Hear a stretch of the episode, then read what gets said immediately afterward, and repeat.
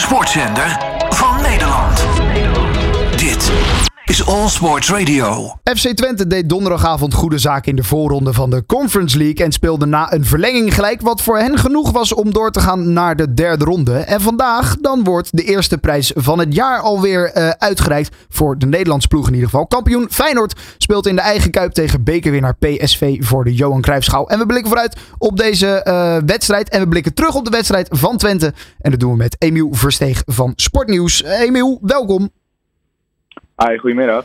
Ja, uh, laten we eens beginnen met de wedstrijd van Twente. Zij hadden thuis 1-0 gewonnen. En um, ja, dus moesten ze minimaal gelijk spelen. Maar dat gebeurde niet binnen 90 minuten. Nee, het was uh, billen knijpen denk ik voor uh, Twente-fans. En ook fans van het Nederlands voetbal die voor Twente waren gisteravond.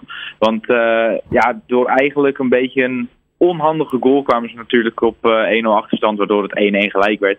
En ondanks dat Twente, naar mijn mening, de betere ploeg was, wisten ze niet te scoren in die 90 uh, minuten, waardoor het natuurlijk verlengen werd. Terwijl ze wel een hele hoop goede kansen hadden in die uh, reguliere speeltijd. Maar ja, er vielen gewoon, er vielen gewoon geen goals voor Twente. Nee, hij dus, wilde er uh, niet in. Door naar verlenging. Het was uh, soms een metertje naast de paal, soms nog iets krapper. Soms een aantal goede reddingen van de keeper van uh, Hammerby. Uh, maar ja, met een gelukje zei je al. Ja, de bal werd onderweg aangeraakt door Prupper. En daardoor was Oenerstal eigenlijk ja, kansloos, zou je wel kunnen zeggen. Ja, dat is natuurlijk zonde, want Unerstal is natuurlijk echt wel een goede keeper. En die heeft natuurlijk ook recent verlengd bij Twente, dus die doet het gewoon hartstikke goed. En dan is het gewoon heel erg zonde voor Twente dat ze dan precies zo'n pechgoal tegenkrijgen. Want dat is natuurlijk niet iets wat je gewend bent van die best wel secure verdediging ook van, uh, van Twente. En dan dat hij op deze manier valt is natuurlijk niet lekker. En dan ook nog in die eerste helft, waardoor er voor Hammerby ook gelijk weer vertrouwen wordt getankt. Ja, dat is gewoon. Het was een slecht moment om die goal tegen te krijgen en gewoon heel ongelukkig. Ja, ja, en wat je al zei, genoeg kansen binnen de eerste 90 minuten. Ook vlak na rust hadden ze al twee ja, echt grote kansen, maar hij wilde er niet in. Nee, die, die kans van Ugalde ook, die blijft me nog steeds bij. Want dat is echt dat je denkt, als je die maakt, dan is het gewoon misschien alweer klaar. Want ik, ik denk niet dat Hammerby nog een tweede goal zou hebben gescoord in deze wedstrijd. Als je kijkt dat ze wel een paar kansjes hebben gehad. Maar het was echt, Twente was echt heer en meester en heeft echt de grootste kansen van de wedstrijd gehad. En dan dat Sam Stein een paar keer al dichtbij was. Ugalde, wat ik net zeg, al een keer heel dichtbij was net na de rust. Ja, dan is het gewoon zonde dat je niet eerder het afmaakt. Want nu moet je weer die verlenging in. En dan kan er zomaar gebeuren dat Hammerby scoort. En dan heb je geen tijd meer om die gelijkmaker te maken. Gelukkig voor Twente lukte dat wel. En was het opnieuw Sam Stein die het uh, voor de Twentenaren deed. Ja, een prachtige goal inderdaad. Uh, praten we zo meteen over verder. Want wat me ook opviel was echt, het was echt een soort heksenketel waar ze in terecht kwamen. Hè? Die spelers van Twente. Ja, dat was echt absurd. Ik had het ook erover met een paar mensen op de redactie dan. Dat Hammerby lijkt wel een soort nieuwe aardsvijand te hebben gecreëerd in Twente. Want de, hoe die supporters deden tegenover de Twente-spelers en de tegenover fans natuurlijk ook. Dat is echt absurd dat er van die maatregelen genomen moeten worden en zo.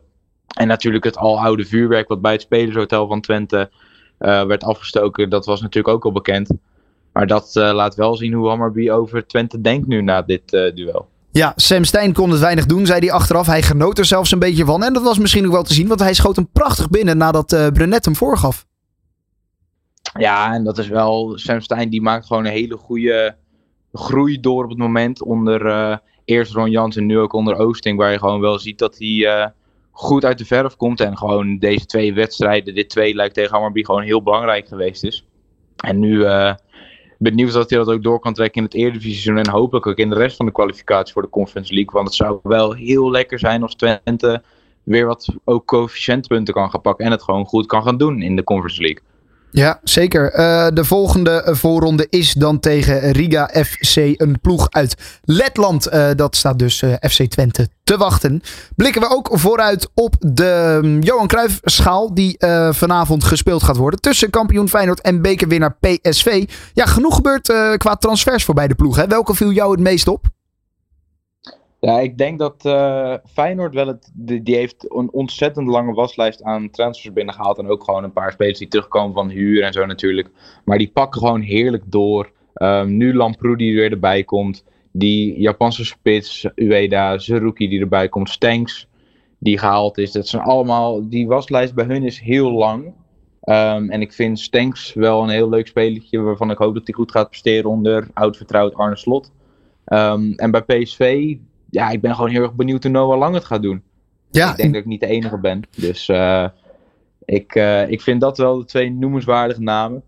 En je ziet wel dat Feyenoord die pakt gewoon lekker door met uh, verleende contracten. Nu ook Santiago Jiménez natuurlijk. Maar die hebben ook gewoon meer mensen binnengehaald. En die zijn, die zijn echt wel klaar voor het nieuwe seizoen, denk ik. En allebei natuurlijk een hele goede voorbereiding gedraaid, beide teams. Ja, zeker. PSV, een nieuwe trainer, Peter Bos, is denk ik ook een goede naam die zij hebben binnengehaald. Zeker weten. Um, de vraag is alleen hoe die gaat presteren natuurlijk. Want hij heeft, er werd laatst natuurlijk ook over gegrapt. Hij heeft natuurlijk nog geen prijzen gepakt. En nu uh, nee. is de vraag, gaat hij dat dan vanavond wel doen? En het is zeker een zeer ervaren trainer. Die het natuurlijk ook al eerder goed heeft gedaan bij Ajax en bij Feyenoord. Dus ik denk dat PSV zeker een goede trainer binnengehaald heeft. En nu uh, is vanavond gelijk een eerste goede test om te kijken hoe hij het gaat doen. Ja, wie van de twee is sterker op papier? PSV of Feyenoord? Naar mijn mening Feyenoord. Want die hebben natuurlijk... Ze zijn een paar belangrijke spelers kwijtgeraakt. Kuksu bijvoorbeeld. Uh, maar toch hebben die nog steeds een team staan. Met eigenlijk waarvan het meest intact gebleven is. Kijk, je bent ook Simanski dan kwijt. Maar verder ben je niet heel veel namen uit je eerste elftal kwijt. Um, en je hebt gewoon al een trainer die al het hele jaar, het, het goed winnende seizoen, zo gezegd, uh, voor, het, voor de ploeg heeft gestaan, Arne Slot. En ik denk dat die gewoon met zijn visie al die spelers gewoon weet te overtuigen. En dat ze daarom gewoon helemaal klaar zijn voor deze wedstrijd. En bij PSV komen natuurlijk wat nieuwe namen binnen. En ben ik Xavi Simons kwijt. En Peter Bos moet zijn nieuwe tactieken gaan toepassen. Ja, ik denk toch dat Feyenoord ietsje sterker in de schoenen zal staan vanavond. Ja, Xavi Simons kwijt bij PSV. Noah Lang daarvoor, ja, zou je kunnen zeggen, terug. Degene in de spits is nog steeds dezelfde, de aanvoerder Luc de Jong. Ja, en die is gebrand om zijn zesde Johan Cruijffschaal te pakken. Daarmee zou hij namelijk um, de tweede speler worden in de Nederlandse geschiedenis... die zes Johan Cruijffschalen uh, in zijn bezit heeft. Dat is een uh, mooi aantal. Ja, zeker. Het is natuurlijk ook wel extra motivatie. En ik denk dat hij zeker ook het team daarin mee kan nemen. Dat Luc de Jong zeker een speler is die met zijn aanwezigheid in de kleedkamer en als aanvoerder het team weet mee te slepen daarin en weet te zorgen dat ze extra hun best gaan doen, ook voor hem, maar ook gewoon dat ze zelf een prijs willen pakken. Dus ik denk zeker dat het een uh, interessante strijd kan worden vanavond tussen de twee teams.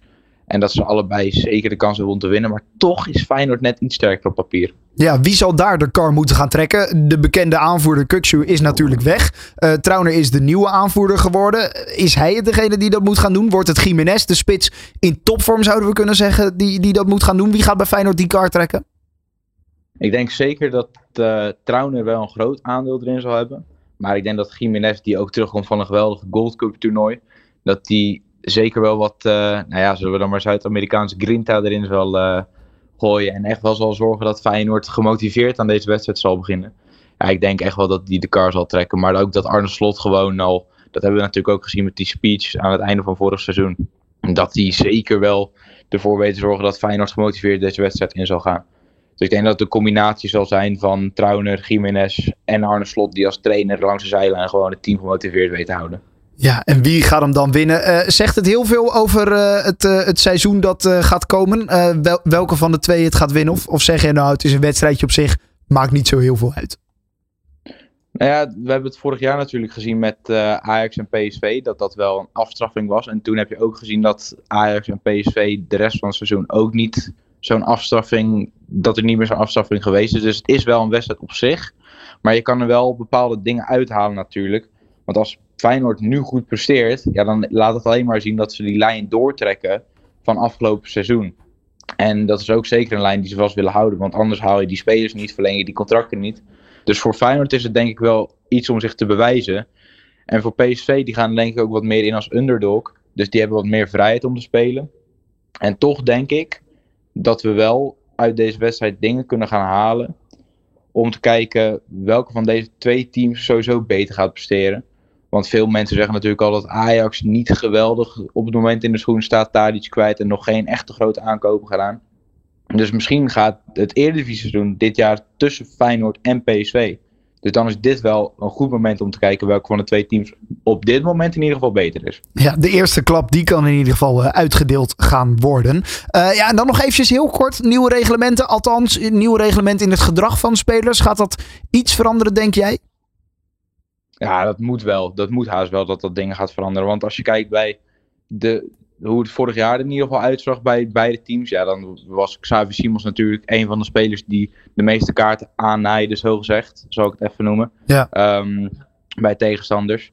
En die is nu natuurlijk weg. Maar ja, nu hebben ze Noah Lang ervoor in de plek. En dat is ook niet iemand die uh, zijn mondje stil houdt. Die ook zeker wel de confrontatie aangaat. Dat hebben we natuurlijk uh, afgelopen seizoen ook gezien bij Toby Alderwereld en Noah Lang toen ze tegen elkaar speelden in België. Dus ik denk zeker dat ook op deze wedstrijd vanavond dat het zeker wel invloed gaat hebben. Nou ja, uh, laten we het hopen. Want het zou het spel in ieder geval voor de kijker uh, ten goede komen als er uh, ietsjes normaler en ja, misschien dus ook wat vriendelijker gespeeld gaat worden. We gaan het allemaal zien. de Johan Cruijffschaal die wordt vanavond gespeeld en verdeeld dus ook. Die wedstrijd vindt dus plaats in de Kuip tussen Feyenoord en PSV om 8 uur. Emiel Versteeg van Sportnieuws, dankjewel. All Sports Radio.